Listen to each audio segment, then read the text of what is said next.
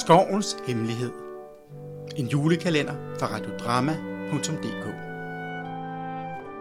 Afsnit 14. Mødet med nissefamilien. Lyden af fuglesang fyldte luften, og skovens dyr kom ud af deres skjul for at hilse på Frida. De små æren, harne og pindsvinene samledes omkring hende. De ville alle sammen se farverige blomster. Pludselig blev de afbrudt af en fnisende lyd, som kom helt nede fra skovbunden. En gruppe nisser dukkede frem fra bag et af træerne. De havde røde huer og grønne frakker, og deres øjne strålede af nysgerrighed. Nisser, udbrød Frida. Velkommen. Jeg har en buket blomster fra solskinsdalen til jer.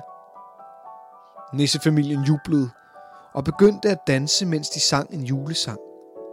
De tog imod blomsterne og inviterede Frida til at sidde sammen med dem i deres vinterlejr, hvor der blev serveret varm chokolade og småkager. Vi har hørt om din spændende julerejse, sagde nissefar. Vi vil gerne give dig en gave som tak for blomsterne.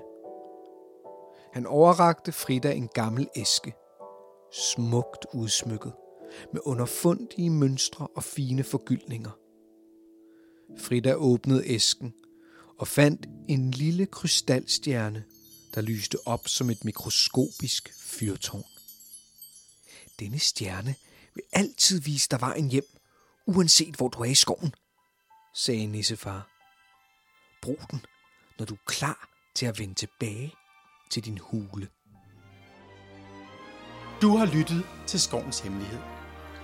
En julekalender fra radiodrama.dk Skuespiller Christoffer Helmut Historien er udviklet digitalt via en chatrobot. Herefter har dramatiker Morten Ågård redigeret og sammensat den endelige fortælling. Optagelse Kia Lundsgaard. Se mere på vores hjemmeside radiodrama.dk